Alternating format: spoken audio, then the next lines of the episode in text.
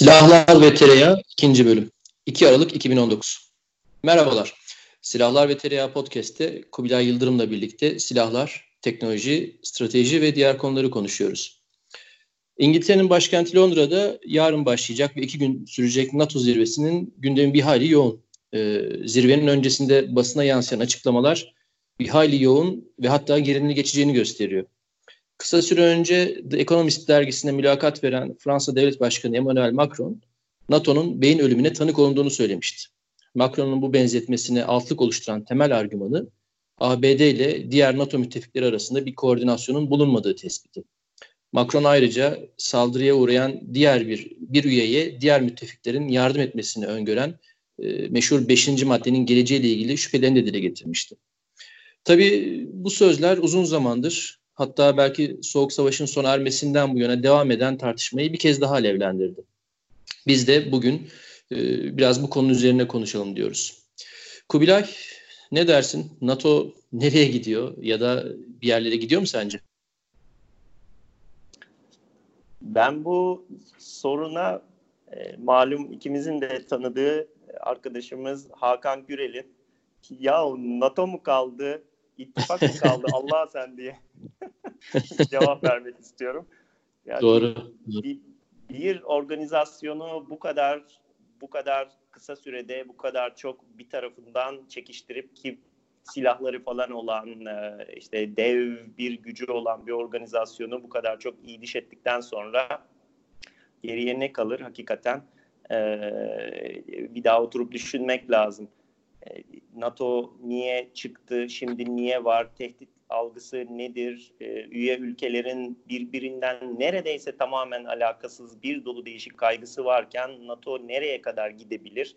E, hele hele bu böyle NATO kafa NATO mermer kafasıyla e, onları gerçekten uzun uzun belki birkaç podcast'te oturup tartışmak lazım. Bitmeyecek bir konu. Çünkü e, tabii işte en temel e, işin ABC'sinden başlamak gerekirse NATO sonuçta bir kolektif savunma örgütü. Kolektif savunma kavramının özünde de e, belirgin, tanımlanmış e, bir tehdit ve bu tehdide karşı oluşturulan bir ittifak yeter. İşte kolektif savunmanın NATO özelindeki yansıması da meşhur 5. madde. İttifakın bir üyesine yapılan saldırının diğer tüm e, üyelere yapılmış kabul edilmesi. Birimiz hepimiz, hepimiz birimiz için e, felsefesi. Tamam bu Sovyetler varken, Varşova Paktı varken e, bu işliyordu. Ama işte hep o artık sıkıcı hale gelen Soğuk Savaş'ın sona ermesinden itibaren e, ifadesiyle başlayan değerlendirmelerde olduğu gibi e, hakikaten bir şey var. E, bir belirsizlik var ve bu belirsizliği aslında bu son e, yıllarda hele ki bu son Suriye e, olaylarından bu yana çok daha belirgin bir şekilde yaşıyoruz. E, hatta denebilir ki belki Rusya'nın işte 2014 olaylarından bu yana, Ukrayna'daki olaylardan bu yana ittifakın içerisinde e, küçük mikro ittifaklar var gibi geliyor bana. Yani e, Baltık ülkelerinin, e, Doğu Avrupa'nın ayrı gündemi var. İşte e, Fransa'nın, Almanya'nın belki ayrı, İngiltere'nin ayrı, e, Türkiye'nin apayrı. Böyle bir ortamda bütün üye ülkelerin, e, bütün e, müttefiklerin aynı ortak tehdide karşı, aynı şekilde tehdit algılamasına sahip olacak şekilde bir savunma geliştiremiyor olmaları en büyük belki tehdit e, ittifakın kendisine yönelen. Yani e, bir ara işte Aden Körfezi'nde e, bir korsan, deniz korsanlığı tehdidi ortaya çıktı. E, o bir şeydi, somut bir şeydi ve deniz korsanlığına karşı mücadele hemen hemen tüm ülkelerin belki üzerinde hemfikir kalabileceği bir şey, bir tehdit. E, hadi İran'ın e, belki balistik füzeleri hemen hemen tüm müttefiklerin aynı şekilde e, savunma geliştirebileceği bir şey belki ama işin içine Rusya girince bu sefer biraz işler değişiyor. Çünkü tamam Baltık ülkeleri o tehdidi en yoğun şekilde e, hisseden ülkeler e, haklı olarak belki Doğu Avrupa aynı şekilde ama Türkiye'nin durumu biraz daha farklı. E, Türkiye çevresi Rusya ile çevrelenmiş durumda. Karadeniz Havzası'nda, Doğu Akdeniz'de e, Kafkaslar'da Rusya ile komşu ve bazı konularda çıkarları örtüşüyor. Ya da daha açık şekilde şöyle söylenebilir. Baltık ülkelerinin hissettiği kadar bir Rus tehdidini Türkiye hissetmiyor. Haklı ya da haksız sebeplerle, kendisine e, göre işte farklı jeopolitik motivasyonlarla.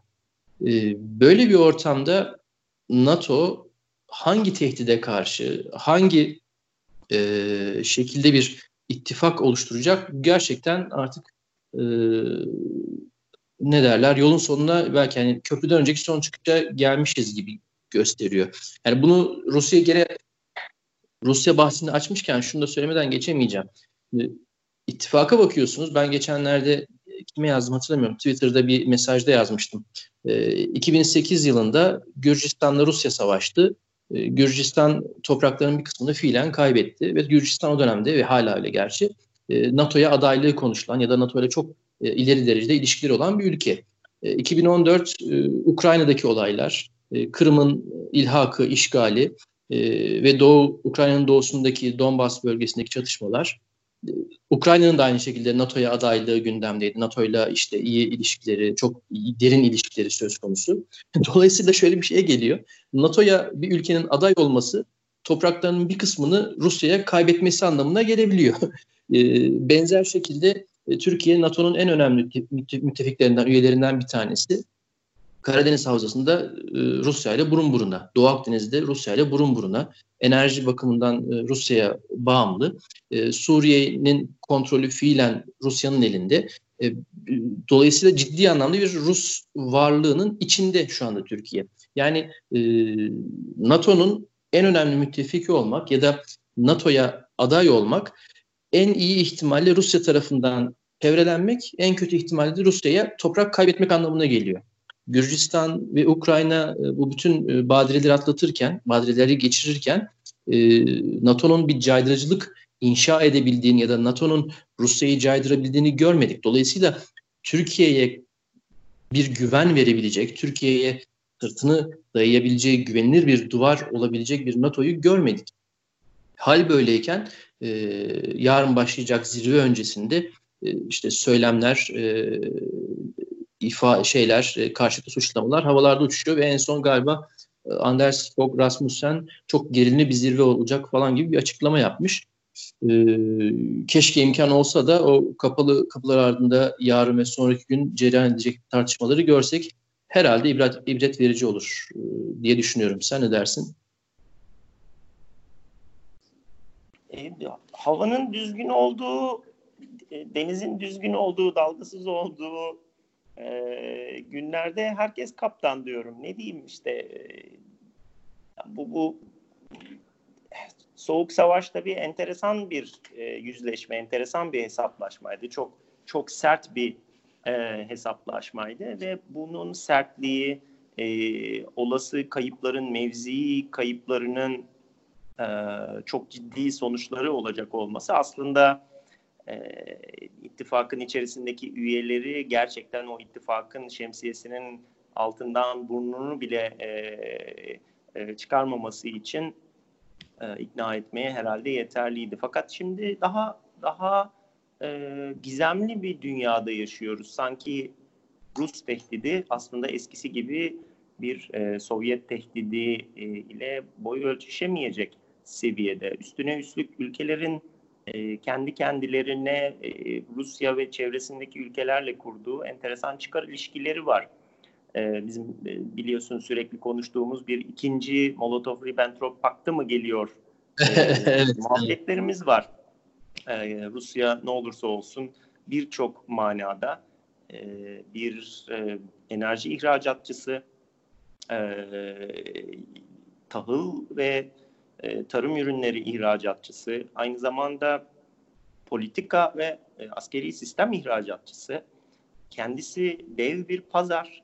E, Sovyetlerin e, yıkılmasının ardından ortada kalan dev enkazın derlenip toparlandığı insanlara e, işte Avrupa'yı tarzdaki hayatın yeniden kurulmaya çalıştığı enteresan bir dönem de geçirdi. Biz e, Rusya'yı genelde hep e, NATO alışkanlıklarımızla ve bir e, kanat ülkesi olmanın getirdiği reflekslerle bir askeri e, süje olarak konuşsak da mesela işte e, Akdeniz'de güneyimizdeki Mısır'ın da e, Rusya ile yaptığı çok ciddi e, ticari alışverişler var. Evet. E, neredeyse evet. ya askeri iletişime belki e, bugünlerde güçleniyor artık iyice o, o e, şey e, hararet kazanmaya başladı. E, lakin geçen sene e, çok ilgimi çekmişti benim. 1982'deki barış anlaşmasından sonra Amerika-Mısır e, ticari hacminin e, üstüne çıkmış Rusya-Mısır ticari hacmi. Bu da nedir? Eh, Nil kenarında yaşayan e, 90 küsür milyon Mısırlı'nın karnının doy- doyması gerekiyor. Mısır tabii işte buğday ithal ediyor. Rusya'da en büyük ihracatçılardan bir tanesi dünyadaki. Bunun Doğru. gibi bir dolu e, enteresan denklem var. Yani Rusya aslında tek boyutlu, sadece bir güvenlik ekseninde değerlendirilebilecek bir aktör değil.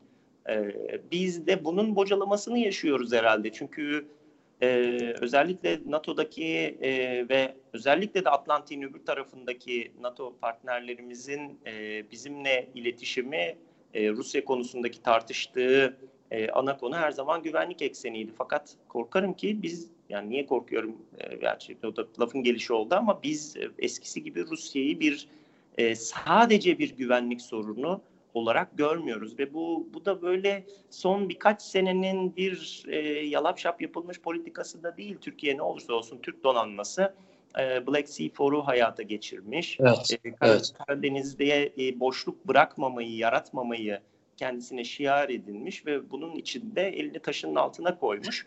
E, kendince bir unik e, diplomasisi olan da e, bir ülke.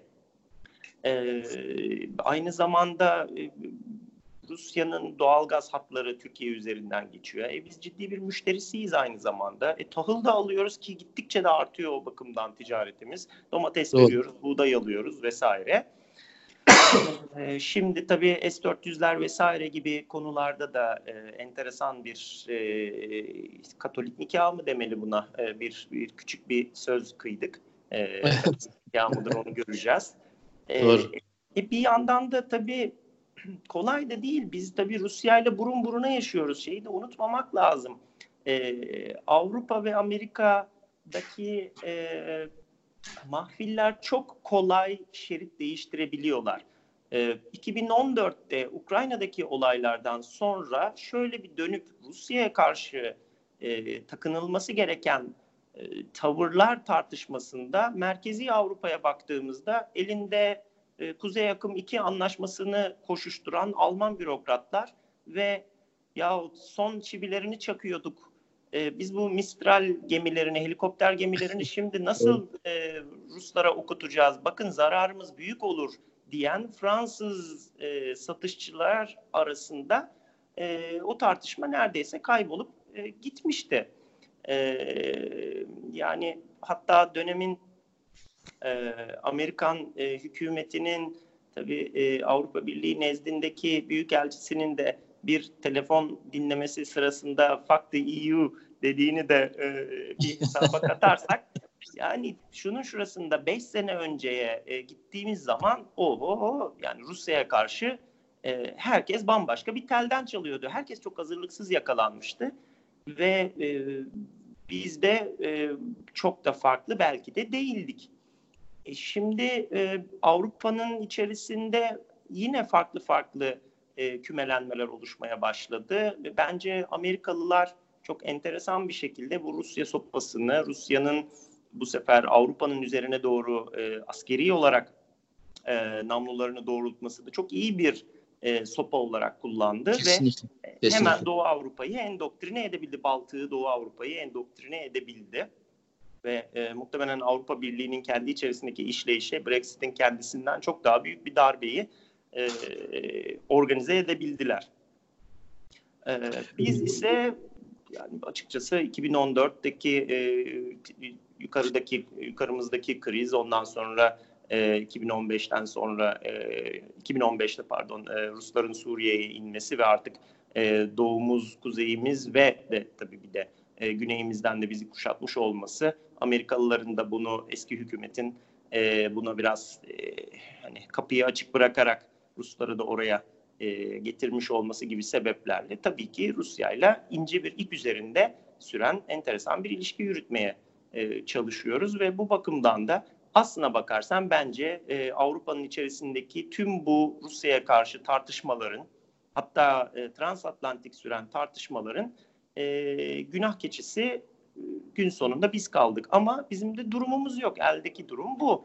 E, kuzeyimde Rusya var, doğumda Rusya var, güneyimde Rusya var. E, doğalgaz bakımından gayet e, iyi çalışıyoruz onlarla, iyisiyle kötüsüyle. E, onların insanları bize geliyor, bizim insanlarımız oraya gidiyor. Biz iş yapıyoruz, onlar gelip burada iş yapıyorlar. E, neredeyse 250-300 bin kişilik e, Türk-Rus e, ortak aileler var falan filan ve bu e, bunun üstüne basıp tabii bir anda namlularımızı oraya herhalde dikmemiz e, bizim için kolay olmaz.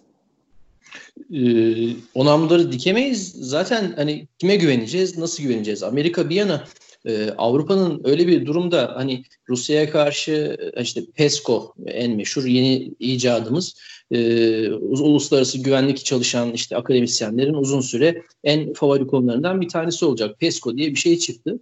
Yeni bir heves e, ama özünde sonuçta yine Avrupa'nın kendi içinde kurmaya çalıştığı bir şey. Bu da aslında içsel olarak e, başarısızlığa mahkum bir şey diye ben değerlendiriyorum. Niye?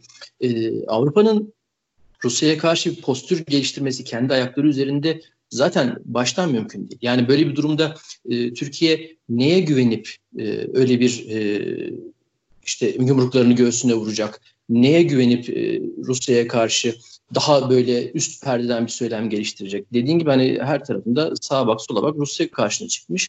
E, Avrupa zaten e, stratejik olarak e, kuvvet aktarımı yapabilen e, bir ortak politika geliştirip ortak politikaya uygun e, yekpare bir askeri güç e, projekte edebilen, yansıtabilen bir e, konumda değil. Bir de üstüne Rusya'nın bu agresif e, ya da e, oldukça yayılmacı diyelim ya da irredentist hamleleri de gelince Amerika'ya zaten ciddi bir manevra alanı açılmış durumda. Ee, Fort Trump diyorum hani Polonya'da e, Fort Trump diye bir üssün kurulması bile konuşuluyor. Baltık ülkeleri e, onları geçtim. Romanya, Bulgaristan iyice böyle safları sıklaştırmış bir şekilde e, Amerika'nın kanatları altına gelmişken Avrupa'nın da bu acziyeti ortadayken zaten hani e, Türkiye'nin gerçekten de bu anlamda günah keçisi ilan edilmesi ciddi bir anlamda bir haksızlık gibi geliyor bana.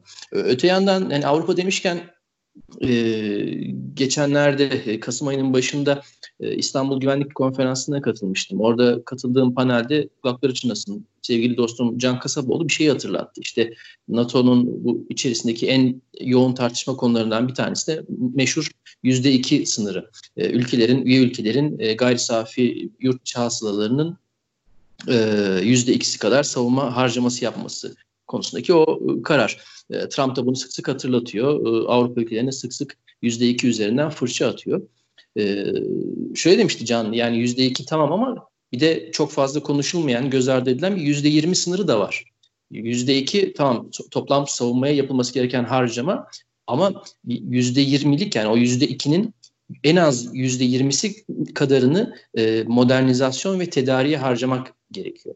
E şimdi e, savunma harcaması demek sadece tank, top, tüfek, e, uçak almak, üretmek, geliştirmek için yapılacak harcama değil. E, ikmal iaşe var, askerlerin maaşı var, sosyal hakları var, e, bir sürü farklı e, harcama kalemi var ve modern ülkeler özellikle Avrupa ülkelerinin e, ordu beslemeleri e, çok kolay değil, çok ucuz değil. E, asker bulamıyorlar, personel bulamıyorlar. E, bulduklarını tutamıyorlar. Tutmak için inanılmaz harcamalar yapmak durumundalar. Böyle bir ortamda e, yeni e, sistemler geliştirmek, özellikle uzun menzilli işte stratejik kuvvet aktarımı imkanı sağlayacak işte uçak gemisinden tut nakliye uçağına kadar farklı platform, araç gereç bunlara yatırım yapmak için zaten çok fazla bütçe ayırmıyorlar, ayıramıyorlar. Böyle bir ortamda zaten Avrupa'nın e, NATO içerisindeki Avrupa ülkelerinin e, ciddi anlamda bir e, güç oluşturması, işte e, bir, bir caydırıcı kuvvet oluşturması mümkün değil. Buradan da ben şahsen, bilmiyorum ne kadar katılırsın ama şöyle bir şeye yavaş yavaş varmaya başladım. Sanki NATO'nun geleceği aslında bir federasyon gibi. Yani e, bölgesel küçük NATO'cuklar diyelim. İşte Baltık ülkeleri, Doğu Avrupa bir tarafta, Karadeniz Havzası'ndaki NATO ülkeleri bir tarafta gibi, Batı Avrupa'dakiler gibi. E, bir böyle değişik bir şeye gidiyor gibi geliyor. Yani gene en baştaki tespitimize geliyoruz. Rusya'yı herkes aynı şekilde görmüyor. E, Estonya'nın gördüğü gibi, Polonya'nın gördüğü gibi Türkiye görmüyor ya da tam tersi. E, NATO içerisinde böyle adacıklar oluşacak gibi bir şekilde geliyor. Hani e, bu süreç doğru ve e, iyi yönetilirse NATO bütünlüğünü belki koruyabilir ama aksi takdirde NATO'nun da muhtemelen e, ciddi anlamda bir e, kırılmaya gidebileceği gitmesi olasılığı e, bayağı bir artmış gibi geliyor bana. Kesinlikle katılıyorum senin söylediğine. Ee, biz belki bu şekilde hayal kuruyoruz ama e,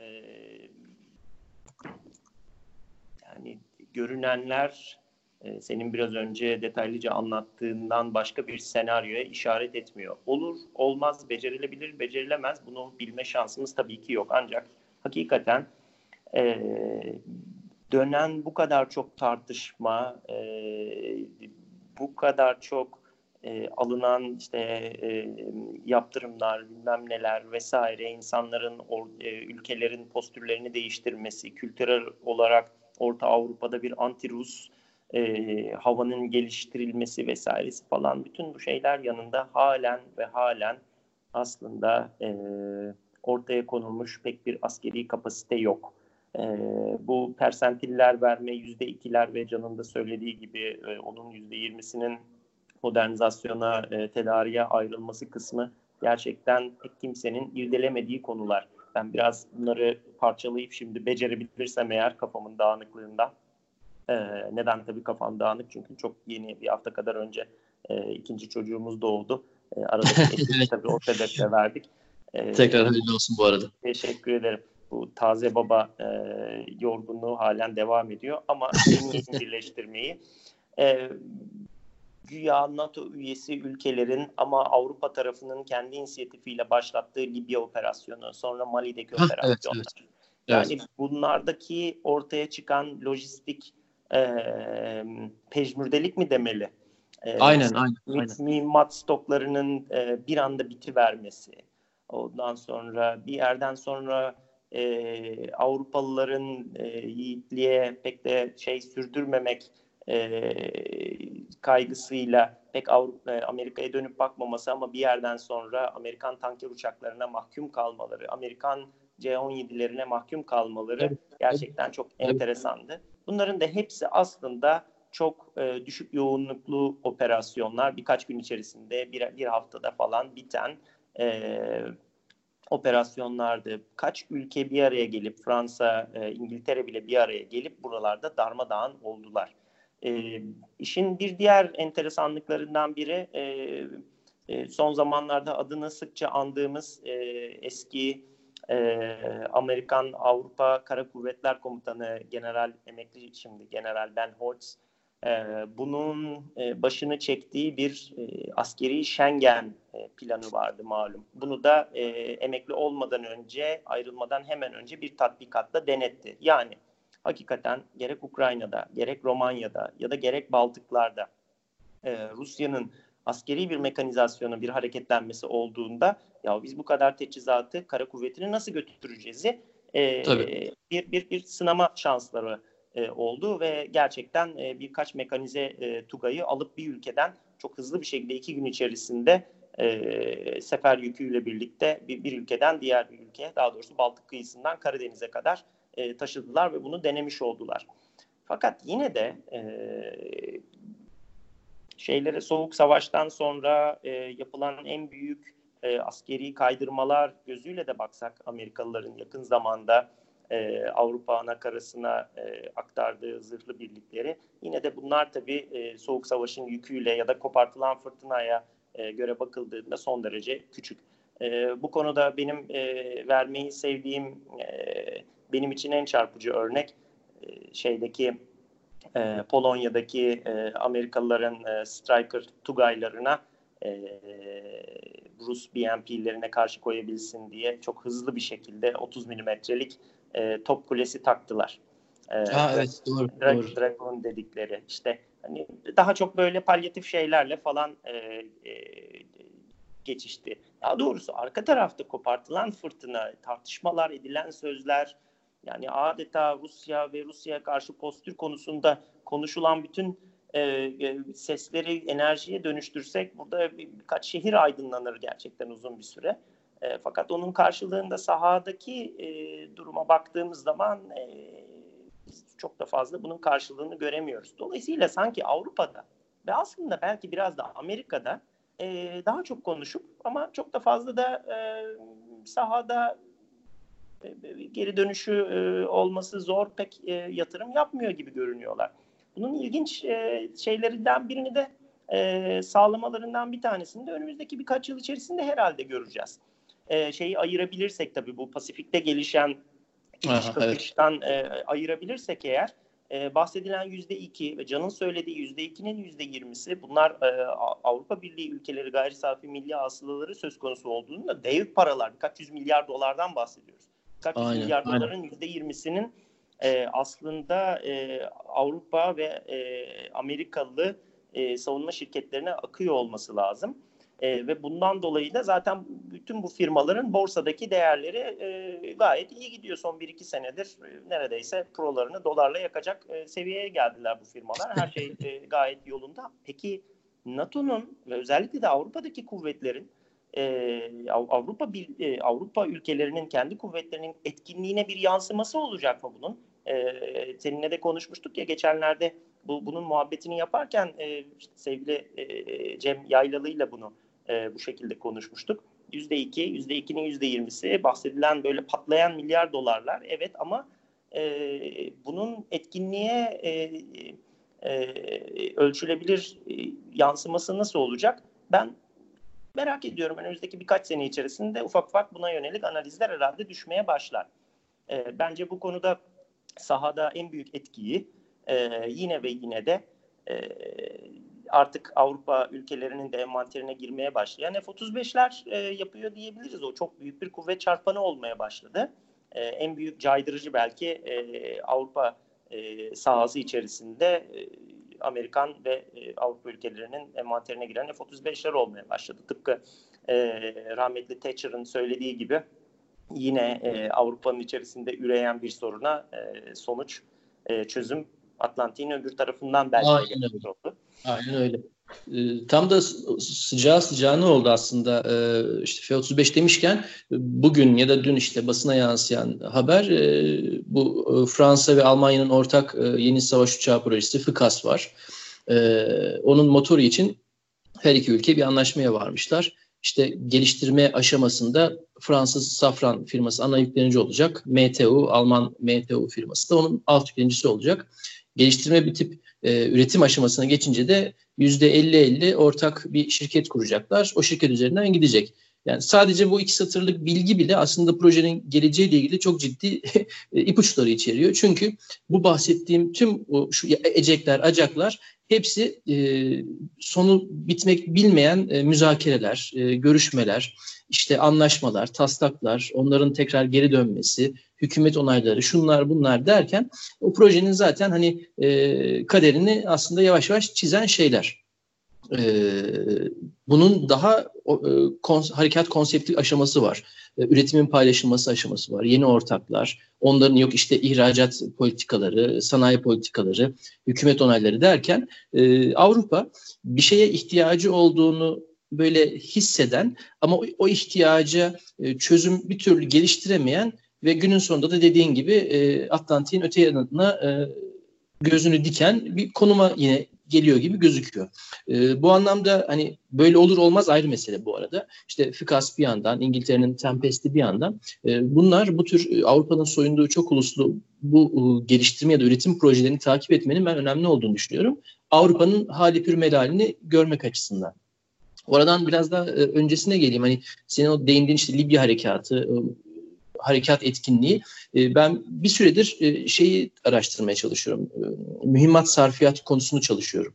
E, özellikle bu işte Körfez, birinci Körfez Savaşı'ndan bu yana e, özellikle güdümlü mühimmatların sarfiyatı işte Bosna, Kosova, e, Afganistan, Libya diye gidiyor. E, bütün bu harekatlar hep her türlü öngörünün üzerinde bir hızda olmuş. İşte e, 2014-15 civarında bu IŞİD tehdidi, IŞİD işte ilk o kazanımlarını e, yaparken ya da işte bölgeleri ele geçirirken Irak ordusu bir iki hafta içerisinde tüm stoklarını tüketmişti. Hellfire stoklarını tüketmişti. Ee, benzer şekilde işte Libya bunun çok enteresan bir örneğiydi. Yanlış hatırlamıyorsam PV ya da JIDAM ya da her ikisi birden e, stoklar birdenbire çok ciddi anlamda azalı vermişti ve acil üretim e, programına geçmişlerdi.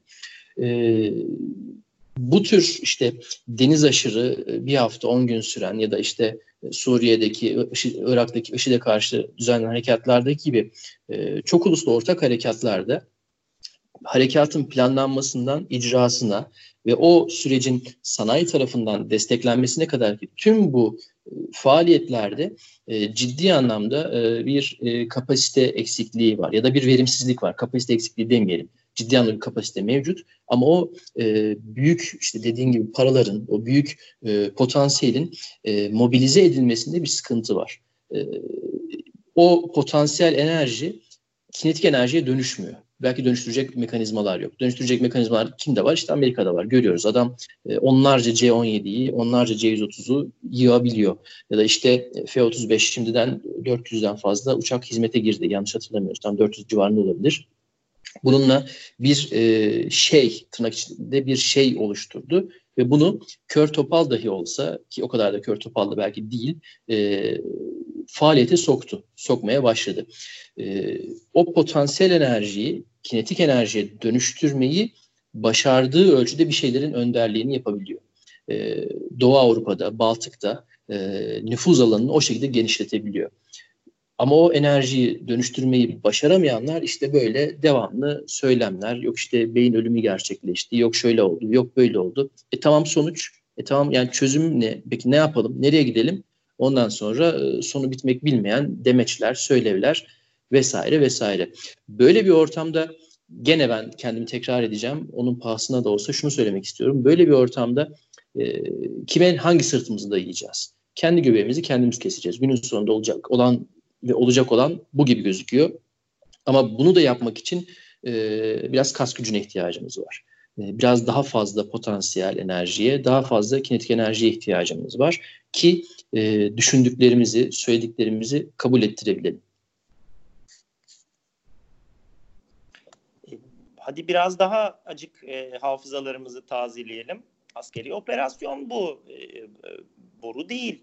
Planlamayla Tabii. çıkıyorsun. Çok riskli zamanlamalarla çıkıyorsun. İşte Suriye'ye Amerikalıların Amerikalıların önderliğinde yapılan bir e, seyir füzesi salvosu olmuştu e, Trump evet, döneminde evet. hatırlarsın. Şeyin e, Fransız gemisinde e, skalpler kaldı. Atamadılar evet. adamlar. Evet. E, Alman gemisi tatbikatta Standard Missile 2 atayım dedi. Kanisterde patladı. E, yani işte Libya operasyonunda mühimmat bitti. E, Hollandalı mıydı? E, şeyler geldiler anti-işit koalisyonunda gidip e, milletin evini barkını vurdular zaten geldiğin gönderdin. Aynen, aynen. Hollandalı. E, evet. üç, üç tane uçak gönderdin. Onunla da attığın zaten yani düdük kadar e, şey onu da yanlış yere attın. Yani bu, bu bunlar ciddi ciddi de sıkıntılar.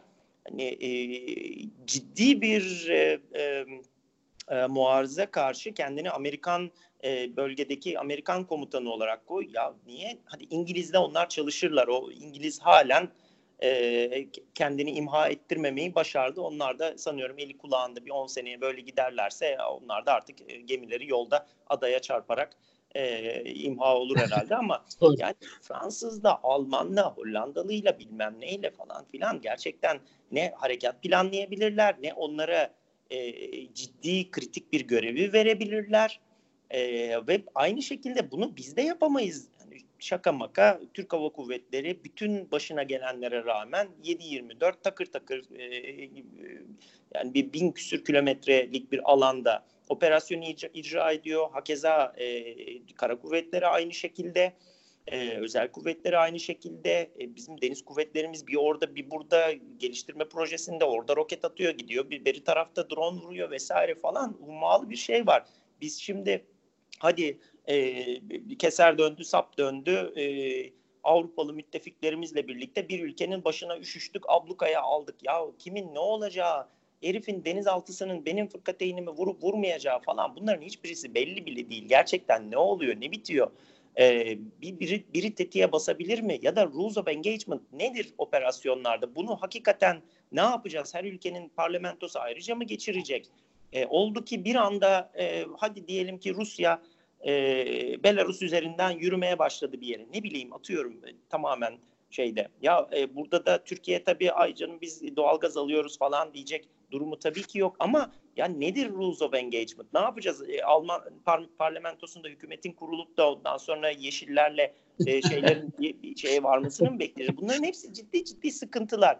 Ha, evet, evet. Yani 20 senemiz rahat geçti görece. E, bunları kimsenin şey yapmasına gerek kalmadı. Mır mır mır vır vır vır işte e, abuk subuk insanlar konuştular geçtiler falan filan ama bunlar gerçek artık. E, ve e, hakikaten ve hakikaten şeyi e, e, bir e, Kuzey Atlantik e, operasyonunda gerçekten İngiliz, Amerikan, e, Hollanda F-35'lerini birlikte uçup işte Hollandalı'nın amram atıp öbürünün bilmem neyle e, birine önleme yaptığı falan senaryolara bir anda yuvarlanabiliriz. Hiç hiç, hiç bir e, şey yok ama e, organizasyonun NATO'nun en başta kesinlikle daha eğer bir askeri organizasyonsa bunun işte sürekli politik taraflarını konuşup durmaktan, sürekli e, kim bunun e, al, bu taşın altına elini koyacak e, tartışmalarını, kuru gürültülerini, işte beyin ölümü yahut vesairesini konuşmaktan e, artık sıkılıp e, gerçek anlamda bir bir iş üretmeye başlaması sanıyorum gerekiyor. Aksi takdirde tabii e, işte Brüksel'de finanse edilen insanların gidip bir nevi staj yaptığı, diplomatik staj yaptığı hoş bir organizasyona dönüşür. En başta Amerikalılar böyle bakmaya başlıyorlar zaten bir yerden sonra. E, tabii yani e, sonuçta günün sonunda son 10 yıla şöyle bir baktığımızda e, NATO neyi inşa etti ya da neyi korudu? NATO kolektif bir savunma organizasyonu olarak e, neyi başardı dediğimizde e, Mod 5 yekpare evet evet yani e, müthiş bir başarı hikayesi değil böyle lekelerle dolu bir şey görüyoruz. Yani olumlu şeyler var. İşte Doğu Akdeniz'de olabilir, belki e, Karadeniz'de olabilir, e, Afganistan'da olabilir. Olumlu şeyler var. Ciddi anlamda e, başarılar var belki NATO e, namına. Ancak böyle NATO üyelerinin e, geleceğe çok e, şey bir söylem olacak. E, ne slogan var olacak ama NATO üyelerinin geleceğe böyle güvenle bakmalarını sağlayacak bir gelecek inşa edebilmiş durumda değil. Tabii bu arada şunu da e, vurgulamakta fayda var. Özellikle bu Türkiye'de çok oluyor. Ee, tabii Türkiye'de malum uluslararası ilişkiler uzmanı bulmak hiç zor değil. Ee, savunma güvenlik uzmanı, Orta Doğu uzmanı bulmak hiç zor değil. Herkes uzman zaten de. Ee, NATO ile ilgili tartışmalarda genelde NATO'yu ayrı bir e, entite, ayrı bir unsur olarak algılama alışkanlığı var. Yani bütün bunları söylerken de kafamızın bir tarafında şunu da hep e, bulundurmamız gerekiyor. NATO'nun içerisinde Türkiye eşit oy hakkına ve veto hakkına sahip bir üye. Bunun en son örneğini işte zirveden hemen önce Türkiye'nin bir e, veto etmesiyle ilgili görüyoruz zaten. E, Türkiye kendi ulusal çıkarına karşı olacak bir kararı geçirt, geçirtmeyebiliyor haklı olarak. E, tam tersi Türkiye için de geçer tabii. Dolayısıyla NATO'yu Türkiye'ye karşı ya da Türkiye'nin karşısında bir organizasyon değil, Türkiye'nin bir parçası olduğu, diğer tüm 28 27 üye ile birlikte bir parçası olduğu bir e, organizasyon olarak görmek gerekiyor. Bunu şunun için söylüyorum. E, Türkiye bu organizasyon içerisinde kendi ulusal çıkarlarını, kendi e, önceliklerini, kendi vizyonunu e, NATO'ya kabul ettir, ettirebilir. Yani NATO'nun diğer üyelerine kabul ettirebilir, ikna edebilir. Ama bunun için de e, Türkiye'nin belli anlamlarda işte siyasi, askeri, ekonomik güçlerinin, e, öz kütlesinin artması gerekiyor. Ya da daha çok daha fazla olması gerekiyor. E, buradan da şuna geliyoruz. NATO'yu bir yerlere eğer NATO bir yerlere gidecekse eğer bu bütün üyelerinin aynı şekilde o yöne doğru yürümesiyle mümkün olacaktır. Ama burada işte o en, o üyeler arasında en büyük ayağa sahip, en güçlü kaslara sahip olan eğer Amerika ise Amerika'nın istediği yöne doğru gider. Bu e, herkesin farklı yöne doğru yürümeye çalıştığı bir organizasyon olması durumunda işte az önce bahsettiğim belki e, küçük NATO'cuklara bölünmesi durumu hasıl olabilir. Türkiye'nin de buna e, kendisini hazırlaması bence gerekiyor. Bu şekilde belki bakarsak hani NATO'yu bize her türlü işte yamuğun geldiği, her türlü kötülüğün yapıldığı bir şey değil. Eğer kötü işliyorsa eğer düzeltebilecek imkanlarımızın olduğu bir e, mekanizma olarak algılamamızda fayda var. E, ama fakat yarınki işte ve sonraki günkü e, tartışmalardan e, ciddi anlamda bir şeyler çıkabilir. Bizim de o e, sonrasına dair en azından a, zihinsel olarak, e, akademik, entelektüel olarak e, kendimizi hazırlamamız gerekiyor. Yani e, gene her zaman söylediğim şey çok içi boşaltıldığı için kullanmayı sevmiyorum ama yerli ve milli belki düşünmeyi e, önceliklendirmemiz gerekiyor. E, Soğuk Savaş döneminde yaptığımız o hatayı yapmamamız lazım. Yani NATO'ya böyle her şeyi havale ederek e, bütün e, düşüncemizi savunma anlamında, güvenlik anlamında e, bütün e, enerjimizi NATO'ya e, kanalize etmememiz gerekiyor. Zaten bunun da herhalde artık kamuoyu nezdinde farkındalığı artmıştır. Buradan da şuna geliyoruz. Yani e, Türkiye eğer e, kendi bölgesinde e, hakimiyetini ya da işte güvenliğini koruma anlamında, güvenlik inşa etme anlamında bir role savunacaksa eğer e, burada NATO içerisinde etkin söz söyleyebilmesi için, etkili olabilmesi için e, ciddi anlamda elinde imkanlar var, fırsatlar var. Bu fırsatları mobilize etme kabiliyeti e, tabii o da 3, 5, 10, 20 tane podcast'in ayrıca konusu olur. Kesinlikle haklısın. Ee, şimdi ne söylesem söylediklerini tekrar etmiş olurum. Çok çok haklısın. Her zaman her daim sorunlarımızdan biri bu. Ee, ekleyebileceğim tek şey e, dediğin gibi yapısal olarak e, NATO'nun karar mekanizmalarının taş gibi içindeyiz e, ve bunu da kullanıyoruz. E, ve aynı zamanda işte gemimiz Baltık'tan dönüyor. E, işte şey e, reaksiyon gücü aha da İstanbul'da e, ve aslında hani biraz önce detaylandırdığımız konuştuğumuz şeyler bir yana bir yere de gidilecekse gerek donanmasıyla bilmem nesiyle falan fark yaratabilecek ülkede halen ve halen biziz. E, bu da bir gerçek. Bu da Türkiye'nin sahadaki ve e, şeydeki gücü işte hep, hep bunu konuşuyoruz ya e, NATO'nun e, şu İngiliz amiral vardı şimdi görevini unuttum e, hatırlayamadım İngiliz amirale e, CSIS'teki panelde sürekli ha, evet. işte Türkiye ne, ne yapacak nedir nasıl ne kadar kötü bir NATO üyesi değil mi falan dediğinde adamın söylediği ya siz öyle diyorsunuz da hani meal to meal bizim hiçbir sorunumuz yok. Ee, Bahriyelisi Bahriyeli gibidir ve hakikaten 15 Temmuz'dan sonra dahi bir ay bile geçmeden zamanında söz verdiği tatbikatta söz verdiği platformu söz verdiği personelle e, getirmişti e, dediğini hiç unutmuyorum. E, Türkiye NATO'da gayet aktif. E, NATO ne olursa olsun bir askeri de teşkilat, e, askeri olarak da gayet gayet de gayet e, aktif. Ama e, özellikle bizim son e, yaptığımız bu ya YP daha doğrusu tanımlar nedir? Şunu bir oturalım konuşalım demesi da, sağda solda yok oraya asker yığalım buraya parayı yığalım falan gibi saçmalıklardan önce benim burada canım yanıyor.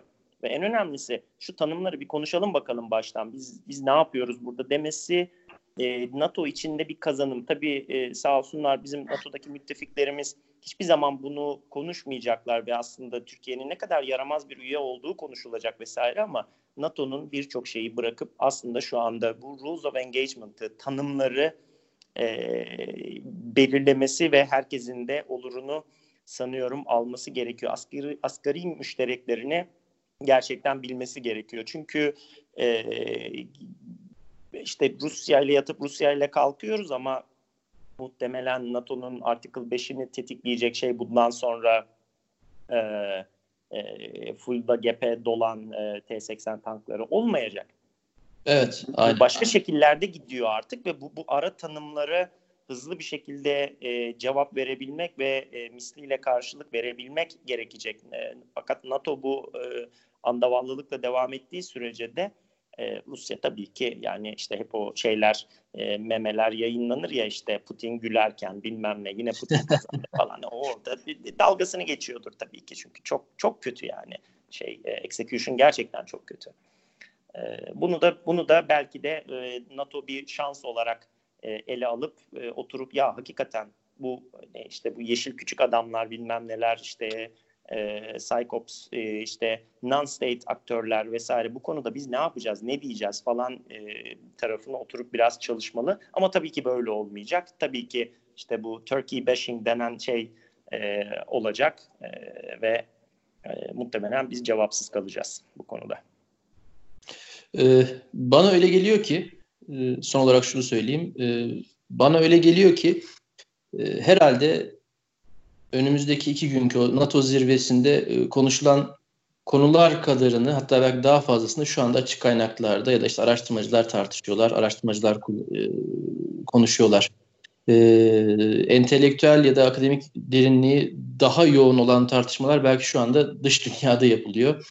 E, zirve içerisinde belki çok daha e, primitif seviyede, primitif şekilde konuşuluyor ve tartışılıyor olacak. E, bakalım takip edip göreceğiz. E, daha iyiye ya da daha kötüye ya da belki daha olası bir e, sonuç hiçbir şey olmaması. Yani sadece bir süreç yönetimi şeklinde bir şey çıkmış olabilir, çık çıkabilir. E, sadece işte dilek ve temenniler, biraz sert sözler, biraz ılımlı sözler, e, biraz gönül almalar, biraz gönül kırmalar. Ama e, dip toplamda 0.0 küsürlük bir e, kazanımla NATO işte ne kadar başarılı bir zirve yaptığını da e, kutlayabilir. E, çok iyi hatırlıyorum şeyden bu e, geçen seneydi galiba e, Trident Juncture tatbikatından hemen önce işte Norveçli yakışıklı bir manken NATO'nun yeni yüzü olarak lanse edilmişti. Böyle kaslı, boylu postlu, uzun saçlı bir teğmen.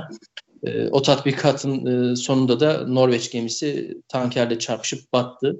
Sembolik olarak çok e, yoğun bir şeydi. E, haftaydı o hafta benzer bir PR faciası olur mu bilmiyorum. Ama her halükarda NATO'yu takip etmek şu aralar hiç olmadığı kadar eğlenceli en azından benim açımdan. E, dilersen burada bir es verelim. E, sonraki podcastlerde NATO bize bol bol ma- malzeme verecek. Ben bunu hissediyorum. E, sonraki podcastlerde de e, devam edelim. E, istersen son bir söz olarak senden alalım sonra da kapatalım. E, haftaya belki e, bir de e, Londra e, Asamblesi sonrası tartışması yaparız. Ama e, evet. söylediğin gibi e, bakalım ne çıkacak ama bu kadar e, ataletli şekilde kalmak için e, NATO Rubicon'u geçti. Bir küçük belki e, örnek vereyim. E, Amerika e, asıl güce sahip olan güç Amerika son e, ulusal güvenlik e, belgesinde e, yakın zamanda yenilediği belgesinde bana e, kapsamlı bir e, siber saldırıyla gelene taktik nükleeri kafasına ha, atarım mı bile telaffuz etti.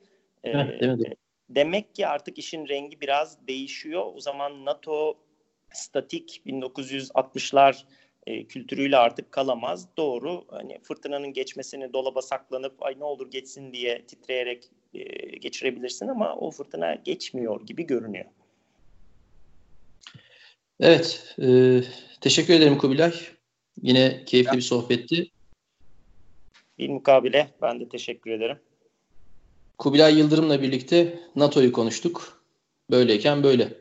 Sonraki podcastlerde görüşmek üzere. Yayının sonu.